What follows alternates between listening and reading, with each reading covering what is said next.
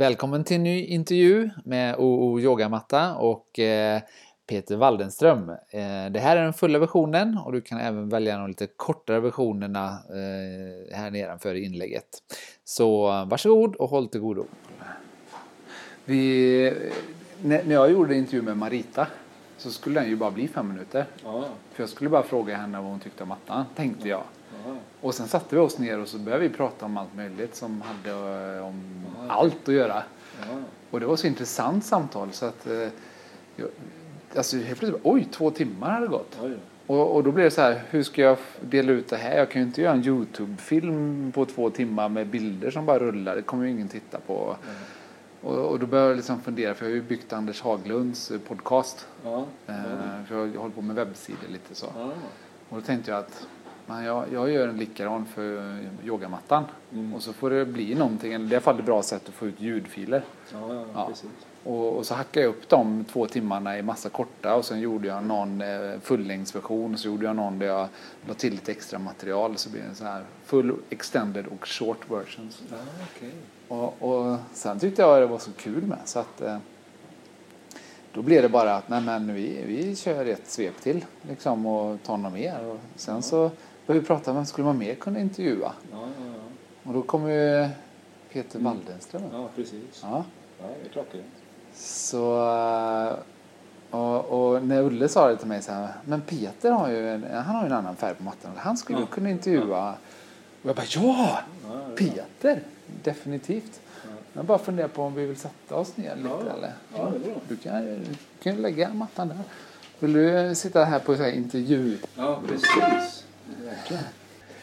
Nej, för, eh, för du frågade lite grann grunden till varför vi skulle ha intervju.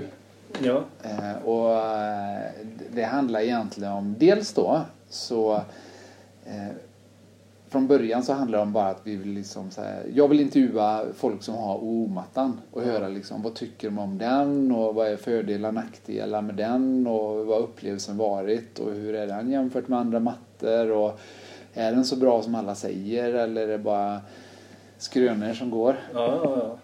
Eh, och, och sen så har det ju liksom artat sig på det sättet att, eh, eh, att de här personerna man pratar med har ju en egen historia om yoga. Ja, precis. Eh, och sen dessutom utöver yogan så har du ofta människor i privatliv utanför som man aldrig råkar på egentligen när man är inne i yogasalen. Ja, det är ju kliniskt rent. Från Ja. det, så säga. Ja, Man går in där liksom och så kör man och så går man. Hej då. precis. Det är ingen sån after liksom, Nej, work så att säga. after yoga. Ja. Vi har ändå, vet den här, vi har ju utrymmet här vid, eh, bakom Ja. Eh, Och hela tiden har tanken med det utrymmet varit att ah, men det vore ju mysigt om folk ville ta en te efteråt och sitta och Ja. prata lite och hänga Ja. lite sådär.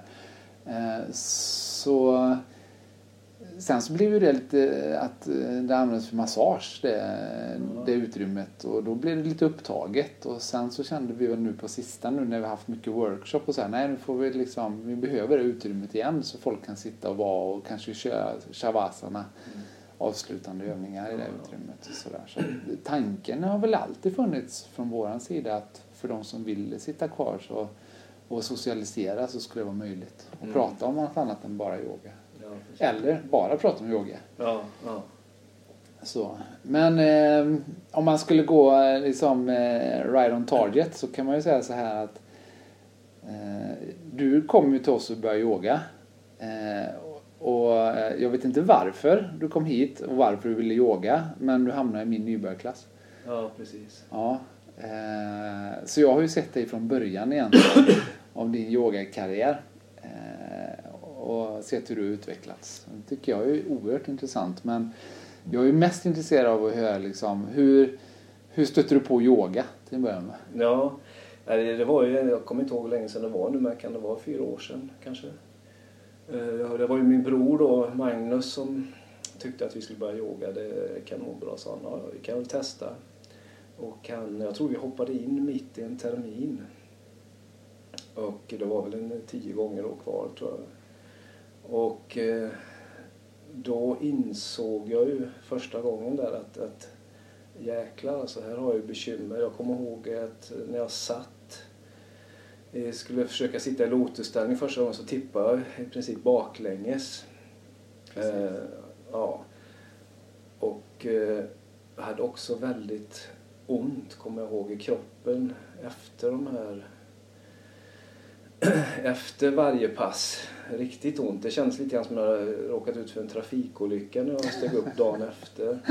Ja, många känner liksom muskel och det är också lite varmare här normalt. Så, Ja. man kommer kanske lite längre, lite djupare in än eh, en normal rumstemperatur misstänker jag. Så man lurar för kroppen lite men det, det kommer jag ihåg eh, väldigt starkt. Eh, Och han hoppade ju av ganska snabbt. Brorsan tyckte inte att det var roligt.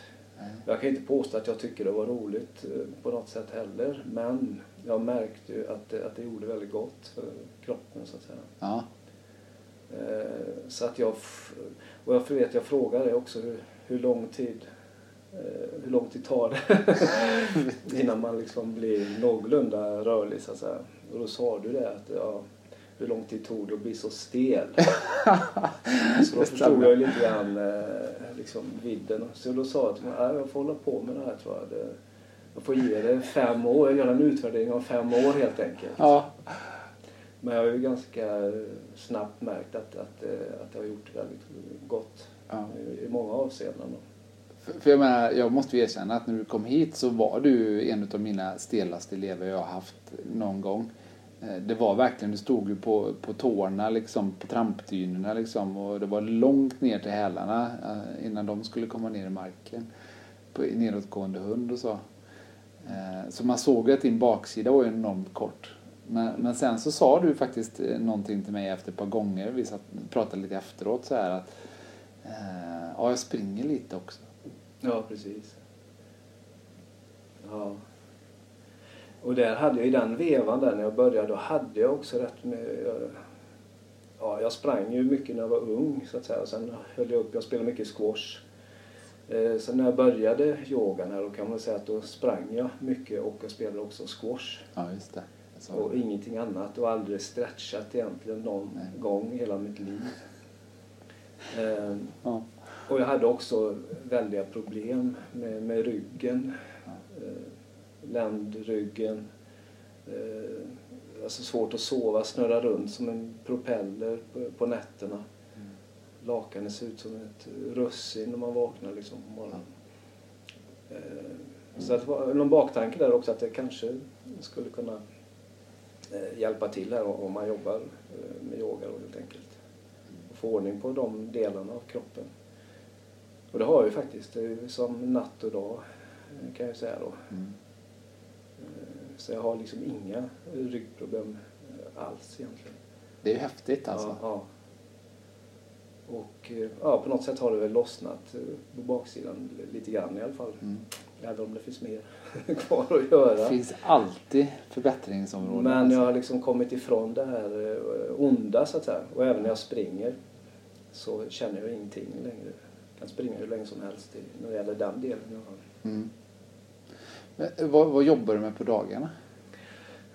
Ja, jag är ju bildlärare faktiskt i, i Ulricehamn på högstadiet där. Förstelärare bild till och med. Ja. Uh. Och, eh, och egentligen är jag ju konstnär från, från början. Men så halkar in på det. Det är inte alltid så lätt att eh, leva på det så jag har alltid jobbat parallellt med undervisning.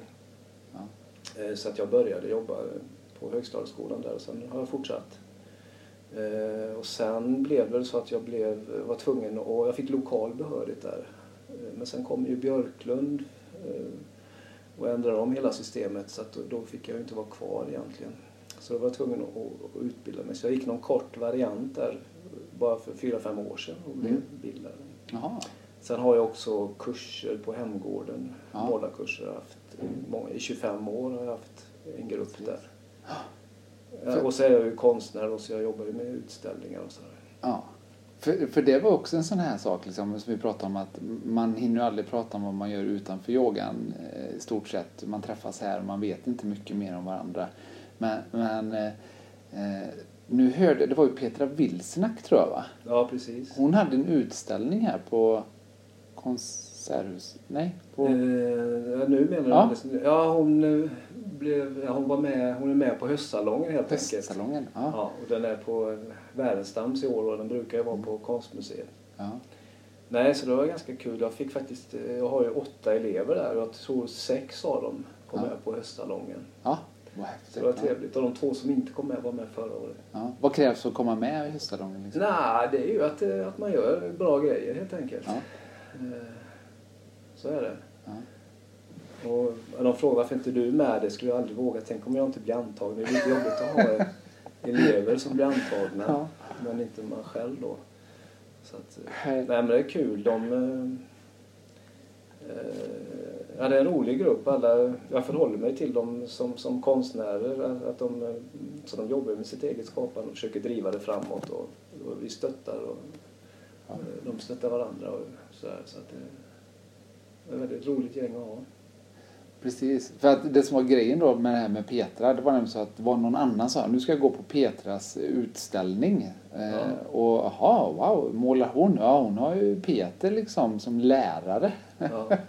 Man bara, Oha, ja, alltså för i min värld så har du ju bara spelat squash och sprungit långlopp. Ja, Och då pratar vi långlopp, det är ju inte en mil liksom åt gången som du höstar iväg eh, när du springer de långa. Nej, precis. Hur långt är det du springer? Ja, det är ju lite olika. Jag är rätt intresserad av... Alltså det har ju med åldern att göra också. För tio år sedan tyckte jag det var kul med Göteborgsvarvet och springa fort och jaga tider och sådär. Men Ja. på något sätt så, så eh, blir man ju lite sämre i det avseendet när det gäller att springa fort. Eh, så jag springer längre och långsammare helt enkelt. Ja. Eh, och då är ultralöpning kallas det för, som jag är intresserad av. Då springer man ju eh, Definitionen på ultralöpning är ju att det är längre än ett maraton egentligen. Då. Mm. Sen kan det variera. Och sen kan man lägga till trail också. Det innebär att man springer på naturstigar. Ja, Så det finns det ju mängder av lopp. Ultratrail, längre maraton på naturstigar och sådär. Mm. Och mina två favoritlopp är väl Ultravasan som jag har sprungit två gånger här nu. Mm. Och eh, Sandsjöbacka Ultratrail på vintern. Det är väldigt spännande. Ja. Och, I Kungsbacka. Jaha. Ja. Det brukar vara runt 15 januari. Det är spännande. För då vet man aldrig riktigt hur, vilket väder det är. Det kan vara minus 15, snöstorm eller eh, lerigt eller Ja. en blandning. Så att säga. Ja. Eh, ja, så att det, det tycker jag är rätt. Och det är också, jag älskar det här med naturstigar. Det är också eh, påminner lite grann om yogan i något avseende. Att man måste vara i, i nuet. Mm. Eh, Man måste liksom koncentrera sig på var man sätter fötterna varje steg hela tiden. Eh, Så det är svårt att, vara någon annanstans i tanken så att säga. Och jag menar, när det är så långa lopp så går det ju inte att tänka på eh, att snart är jag i mål heller. Utan man får ju bara vara i, Ja, i varje steg mer eller mindre. Ta sig ja framåt. precis. Ja, Ultra, den är ju nio mil och det är ju samma sträckning ungefär som skidloppet. Mm. De har, det är ganska störande, de har kilometerskyltar Ja. hela tiden. Så man börjar ser man 89 kilometer Ja. kvar. Så det är lite... Men de är ofta ganska trevliga de där långloppen för man jobbar ju inte med pulsen. Du är ju aldrig andfådd utan det är mer att man bara bryter ner musklerna och man är nära kramp och sådär i slutet. Men man har ju alltid pratfart så att det är Mm. ganska trevligt. Det är Ja. Trevlig stämning och man pratar med, hittar nya vänner längs med vägen och sådär. Tjatar Mm. om livet och sådär. Ja. ja, precis. Nej, det är underbart alltså att springa. Jag, jag, jag kan ju uppleva att löpning och eh, yoga har mycket gemensamt.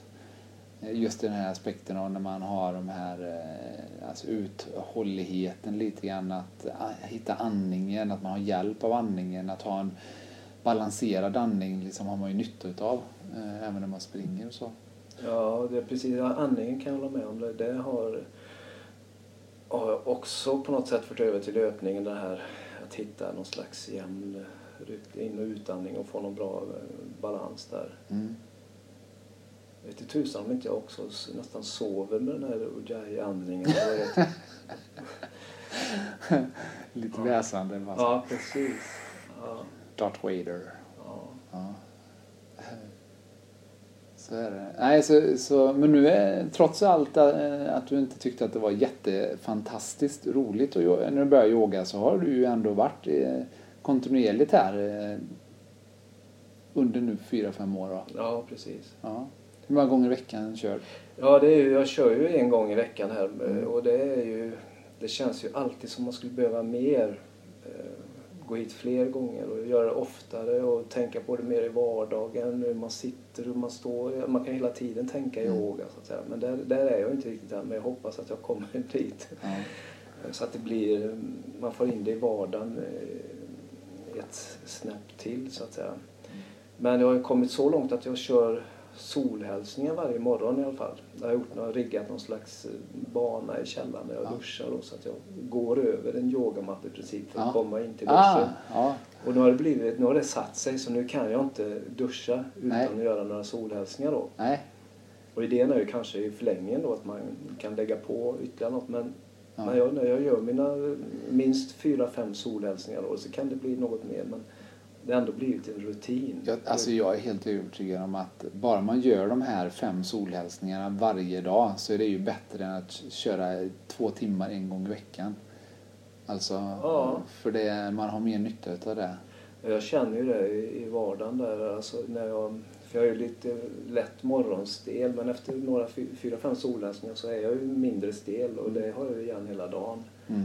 Känner jag. Man får igång flödet i kroppen också. Liksom. Och, som du säger, lättar på alla små blockeringar som man kanske drar på sig på natten eller eh, tidigare dagen innan om man säger så. Ja. Så man har ju nytta av det. Och, och många frågar sig när ska man egentligen köra ashtanga-yoga? Eh, är det på morgonen eller kvällen eller när är det? Så, mm. För vi har, vi har ju väldigt mycket pass som går på eftermiddag kväll. Mm. För att det är då folk har tiden så att mm. säga. Eller har skapat sig tiden. Ja. Eh, men egentligen är det ju på morgonen man ska köra för att få med sig den energin hela dagen. Man, alltså, vi pratar mycket om att ashtanga är en yang-yoga. Att man alltså får energi utav den. Man blir inte liksom lugn utan man blir närmast energisk utav den. Mm, mm. Och det är klart, kör man det alldeles in på man ska gå och lägga sig och sova så kan man ju nästan ha svårt att somna för att man är lite uppe i varv. Ja. Och man stimulerar ju nervsystemet rätt så kraftfullt också med alla vridningar och stretchar och alltihopa. Mm. Eh, och det är också därför man avslutar med den här långa shavasana när man bara ligger ner på golvet och liksom försöker balansera upp lite grann, lugna ner nervsystemet innan man springer iväg på nästa grej så att säga. Ja. Nej, men jag skulle kunna tänka mig att det, är en bra, eh, att det skulle vara bra att köra på morgonen faktiskt. Mm. Och starta, just att man kan starta upp lite försiktigt och ta det i sin egen eh, takt i början så att säga. Ja. Ulle har ju morgonklasser. Ja, i Ulricehamn jag jobbar då. Ja, ja men det är motorväg nu, ny. Den går ja, fort. Vilken ja. tid är det? Sex eller? Ja, det, ja, det är inte fel alltså. Nej. Men man borde ju så, man borde också kunna göra det hemma tänker jag. Men det, ja. det är inte så lätt. Alltså, det är inte lätt att äh, lägga de vanorna så att säga, att köra ett helt. Sen har jag också märkt att det blir just i det, alltså kontexten är ju också viktig här. Att man är en grupp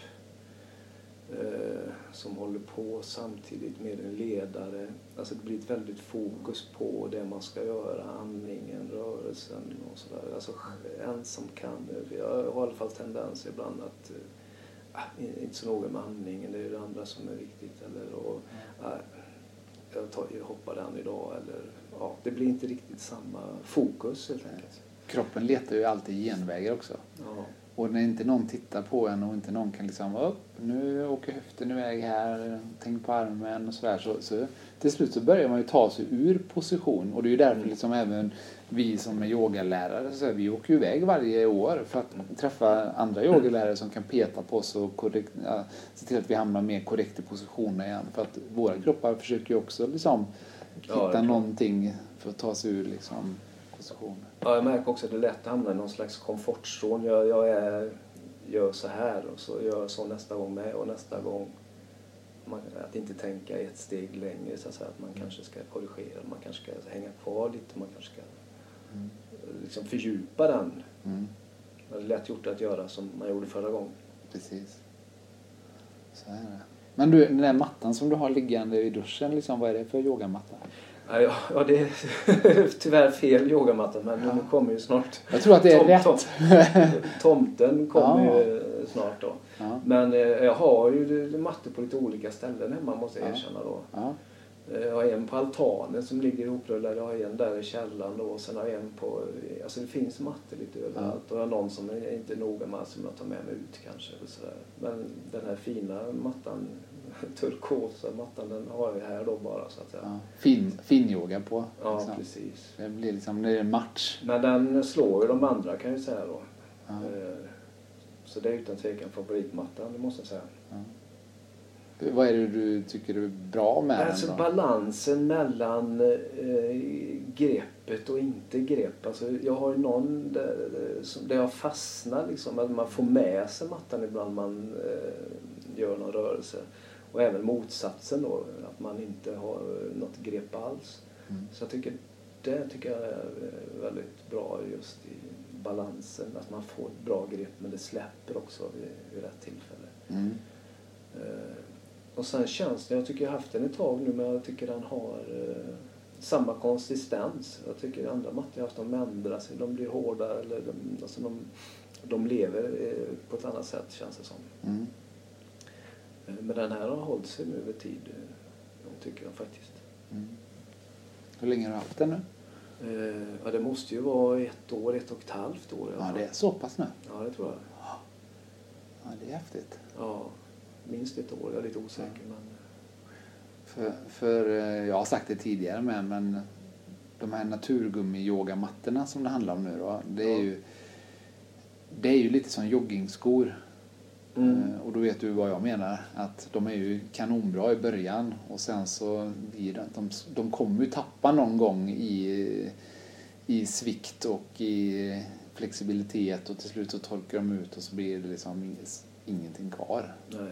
Så är det ju. Det, är ju, det finns en ände på det. det. Jag brukar säga att de kommer ju från naturen eh, och är ekologiska och de är redan på väg tillbaka till naturen. Mm, mm. Sen är det bara frågan hur man hanterar den. Liksom, att man vårdar den på ett hyggligt bra sätt så håller den ju längre. Mm. Så. Eh, Och sen om man tittar på din matta så skulle jag inte gissa att den var ett och ett halvt år men det betyder ju också Jag att du har... ja, precis. Det kan vara ett år. Ja. Men jag har haft den länge, det känns som. Mm. Men jag tänker ändå liksom för att vanligtvis brukar man se liksom slitage i mattan väldigt tydligt. Eh, där man har dratt fötter eller händer eller någonting och det innebär ju ändå att du har ju när du yogar så, så måste du se till att lyfta verkligen på dina ben så du släpar ju inte dem när du yogar märker jag ju. För Mm. annars har det ju varit mycket mer märken i mattan. Ja. ja Eh. Och det, det tyder ju på att du faktiskt jobbar med inre muskulatur, liksom bålstrukturen och sånt också när du yogar, vilket är positivt. Då. Mm. Vilket gör att du kommer att göra väldigt lätt i, i kommande övningar. Ja, trevligt. Ja. På, på tal om bålstruktur, där känner jag Ja. också en stor skillnad. Alltså bålen har ju Mm. blivit mycket starkare. Om man kopplar till löpning igen då. Eh, Så är det ju väldigt viktigt med starkt bål när man springer. Mm. Och där har det ju hänt mycket känner jag. Ja. Eh, Och även hållningen rent allmänt. Jag sprang väldigt mycket med axlarna uppåt. Eh, Och framåt, speciellt när jag blir trött. Mm. Och det har jag märkt nu att nu försöker jag istället få ner och bak axlarna. Mm. Och det har faktiskt gjort ont en, en tid alltså för att få ner. Ja. Men nu funkar det. Men det är, liksom, det är inte så att det är gratis att bara flytta ner och Nej. bak axlarna. Nej. Utan det, det är en process som, som eh, verkar fram så att säga. Det, det är en ganska specifik smärta det här att få loss axlarna. För det är också, tror jag, mycket, mycket utav senor och annat och muskler går ju upp i nacken Ja, och fäster säkert liksom in mot ryggrad och annat så att det, det är rätt känsligt. Eh, när ja. man håller på och töjer i det. Jag sitter ju mycket och jobbar du vet, framför dator Mm. timtals och låser mig också i axlarna så det är väldigt viktigt för mig att hålla på och göra yogaövningarna och öppna upp Ja, hela precis. tiden. Sådär. Eh, Så jag vet vad du menar. Man, pratar om att det sitter liksom att man ska Ja, få loss det. Alltså framåt så här, ofta framåt med axeln när jag blir trött. Och där känner jag den är värdelös den som löpars position. Så Ja, Eh, Så det är, rent allmänt är jag också förundrad. eh, Är det en gåta att inte fler äldre män håller på med yoga? Det är Ja. ofattbart. Det verkligen känns som där finns det ett jättebehov.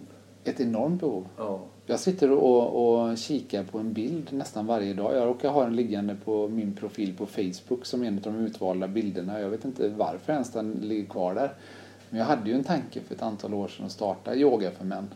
Ja. Eh, och tänkte liksom, det måste ju bli jättebra. Jag har ju ma- massa vänner också som definitivt i min ålder som borde köra innan det är för sent. Så att säga. Mm. Eller för sent men när de ändå har möjligheten att ha någon rörlighet kvar. Eh, och, men nej, det var inget större intresse. Nej. Eh, Ja, det är mycket märkligt. För min del har jag, jag har ju bara insett att jag kan inte sluta med det. Även, alltså jag tycker inte det är jätteroligt men jag märker ju mm, eh, vad bra det är och det är ju eh, många, det är många parametrar. Eh, Det är inte bara...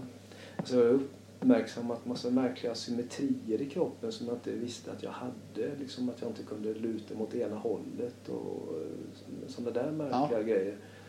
Eh, Mycket sånt uppdagas ju. mm, Men, men eh, nej, som sagt jag tror inte att jag kan lägga av. Jag kan inte lägga av. Det Nej. finns inte egentligen om man eh, vill leva ett någorlunda värdigt liv när det gäller kropp och, och rörelse. eh, När man åldras. Så att säga. mm. Jo, Och, och det, det kan jag bara hålla med dig för att jag har ju sagt det, jag säger ofta det och, och det är till och med så att Ulle säger till mig du får nog tona ner det lite grann för folk tror inte alls du tycker om yoga överhuvudtaget snart.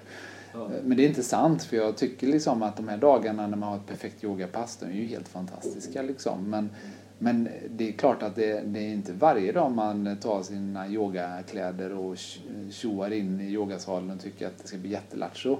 Men, men framförallt så är ju som du säger bieffekterna av yoga är ju så enorma så det går ju inte liksom det är ju idiotiskt att inte yoga. Ja. Liksom. Jag har ju verkligen varit nere, riktigt nere i källaren. Jag kan inte påstå att jag har eh, kommit upp till första våningen och kanske krävat Ja. mig upp. Men eh, det finns ju mycket kvar. Men, men där nere har det inte varit roligt att fortsätta liksom, att åldras och bli ännu stelare. Och, och, Hjälplös. ja, precis. Ja.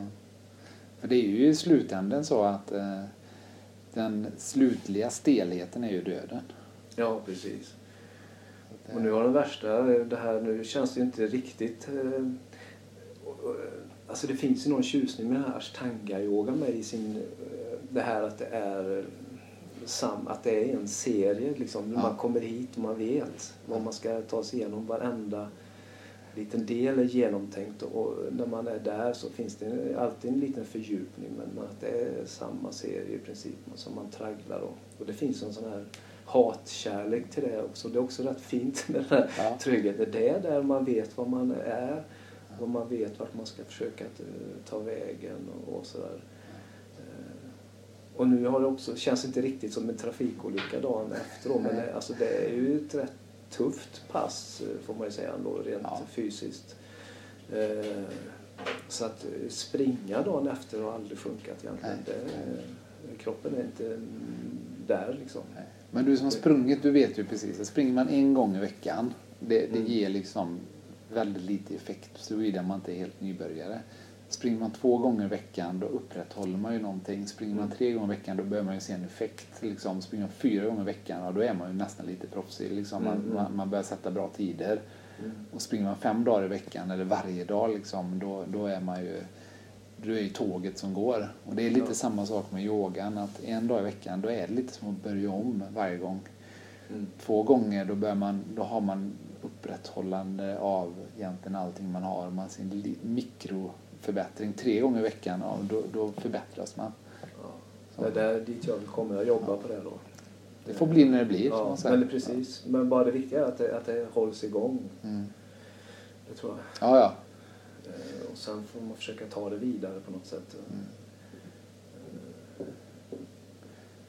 Precis. Men jag tänkte på, du, vi pratade lite om yogamattan innan också. Så här, nu, nu är ju väldigt lycklig lottad när jag ändå intervjuar dig om, om den. Ja. Att du gillar den. Ja. För det visste jag faktiskt inte heller. Det var bara så här att ja, men du har en sån matta och sen så redan innan vi började eh, prata och intervjua här så började du prata om att du faktiskt tycker jättemycket om den. Ja. Eh, och, och du var inne på det här har med att, liksom att det är en ganska blank yta men ändå när man väl sätter i händerna och är i positionerna så får man ett väldigt bra grepp. ja. spåren. Ja. Eh, och sen, sen har vi försökt att göra mattan också på sånt sätt att den ska ha en viss svikt i sig. Mm. Eh, Så dels är det ju ytan som gör att man får ett bra grepp. Det är en specialyta Mm. eh, som är lite fukt. Så det är då greppet kommer. Är man helt torr, ja då glider man faktiskt lite grann. Men så fort man blir bara lite fuktig och börjar sätta sig blir man dyngsur och sitter man ju som berget. Mm. Mm. Och sen då så har vi ju eh, här s- eh, gummiytan så säga, under mattan också som vi gjort lite tjockare, lite, eh, ska man säga, lite mer svampiga kan man säga än många andra mattor för att man ska liksom också känna att man liksom inte sjunker ner med hand, handlovar och annat i mattan och att det inte blir stenhårt. Mm. Mm. Eh, Så, så det har vi ändå försökt att eh, få till där då. Sen vet jag inte om de här tre orna på mattan. Ja precis, jag tänkte fråga just det. Ja. Vad, heter mattan egentligen? Eller Va, jättebra fråga. Eh, vad heter den här mattan? tre O eller ja. nollor? Eller, men det O kan det nog vara va? vad, vad skulle du vilja kalla den för? Ja, Treo. Tre, tre ja. när, huv, eh, när huvudvärken eh, bryter in får man ta och rulla ut den liksom och köra lite. Ja, nej, men jag har... Jag ser ju loggan är ju stark eh, som eh, uttryck så att säga. Men eh, lite oklart vad jag skulle kalla det för. Mm. Jag kan säga att det finns en enda sak som, som inte är korrekt. Det är inga nollor. Nej. Nej, det är tre O. Ja, det är tre O. Ja, och sen hur man uttalar det, det, spelar faktiskt ingen roll. Så. Nej. Utan vi, har faktiskt på hemsidan eh, och, och yogamattasidan en tävling där man får lämna bidrag och komma med egna förslag. Ja. Vad, hur man ska uttala det. Ja, Ja, så att det är lite indefinitivt Ja. så att säga. ja, ja. Och, eh, hur man uttalar det. ja. Men om någon frågar mig så här, vad, vad heter mattan? Oh, oh, oh.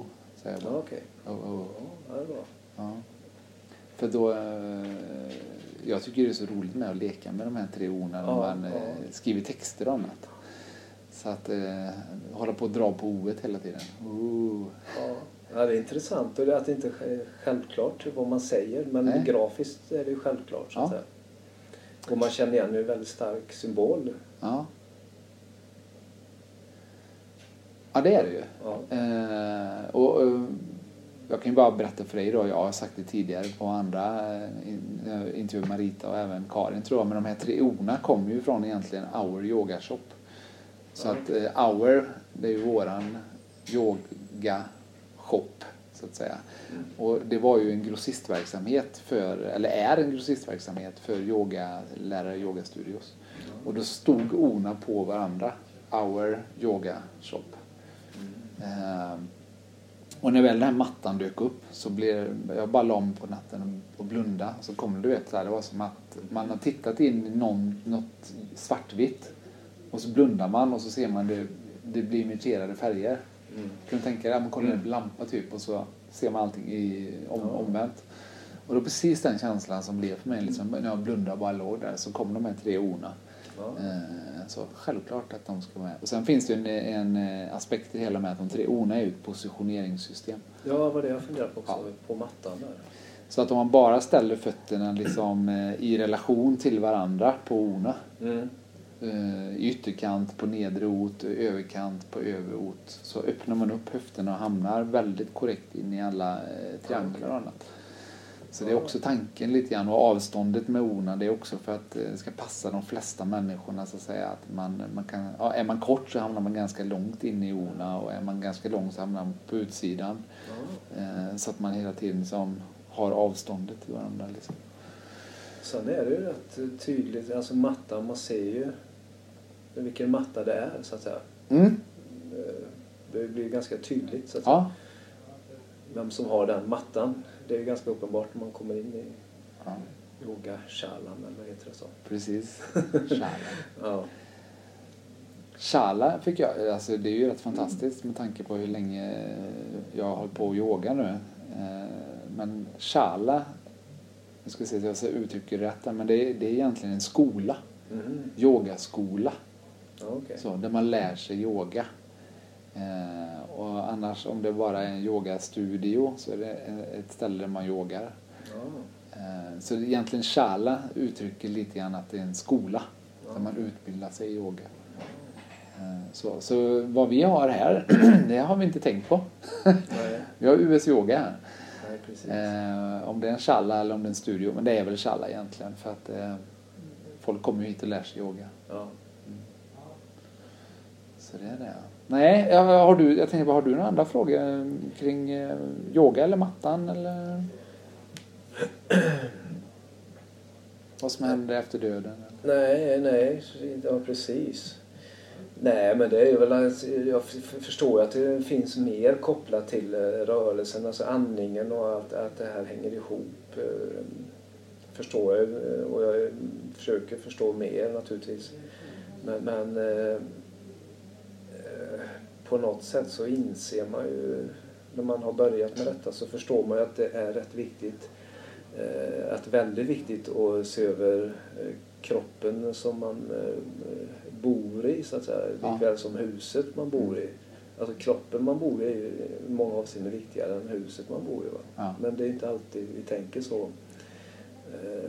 Så där är ju yogan alldeles utmärkt Ja. som jag ser det med, med att se helheten, hela kroppen. Det finns ju ingen del som inte är, ingår i helheten där. Utan, Och yoga medvetengör ju egentligen alla de här delarna som finns i kroppen. ja, Både psyke och, och, och fysik. ja, Så att eh, eh, det är ju fantastiskt på det sättet.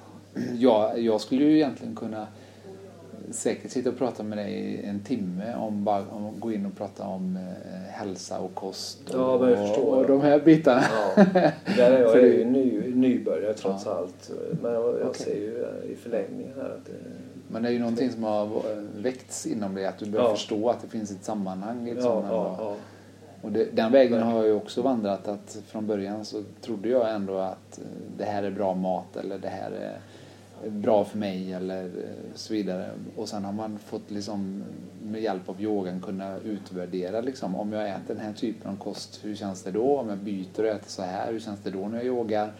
Och så får man känna på de olika energinivåerna i kroppen som man får utav olika kost. Mm, mm. Och det är ju jätteintressant tycker jag. Men jag ska inte gå in på det här för det går inte att stoppa mig då. Nej, nej, ja, det är spännande. Ja. Annars US Yoga. Uh, Ulrika, stället här, har du någonting du vill tillföra? Eller Nej, säga, jag liksom? tycker det är alldeles utmärkt. Ja. Och väldigt välorganiserat, proffsigt. Det känns väldigt bra att komma hit tycker jag. Roligt. Ja. Ja. Och eh, också spännande, jag har ju haft några av er nu som ledare så att säga. Eller, och det är också kul, ni har ju lite olika grejer som ni lyfter fram och det är också spännande att variera. Eh, Någon kanske tonvikten mer på andning, någon på något annat och sådär. Så, Jag, så tycker det är det är, jättespännande. jag tycker det är jättebra att man går runt olika lärare, vågar prova olika lärare och lyssna på. För alla lärare har någonting att tillföra. Mm. Och även om kanske många lärare säger samma saker så räcker det med att någon annan säger på ett annat sätt. Så, så tar man till det och plötsligt bara "Åh, Va? Mm. Så, han sa så här och sen kanske det visar att den läraren hade för ett halvår sedan sa samma sak men landade. Så att det är jättebra att gå runt och lyssna och ta åt sig från alla. Och sen tror man berättar för folk, jag har den här, och liksom, är det samma varje gång? Liksom, har det samma? Och så, ja, små, den här terminen har varit väldigt fokus kring och, och jag har tränat jättemycket på att flytta ut pekfingret en Ja. centimeter. och det är inte så lätt. Nej, det är, det är grymt svårt alltså. Ja, Nej, men gött. Nej, men vi tycker det är kul att du är här med Peter. Och ja sen ni ty- får nog uh, vänja er vid det så Ja. säga. det gör vi gärna. Ja. ja. Ja, där tackar vi Peter Wallenström för den här intervjun. För dig som tyckte det var lite intressant så ta gärna och dela till fler människor på sociala medier. Kom gärna med idéer med på vem du skulle vilja att vi intervjuar. Tack för att du har lyssnat och välkommen tillbaka.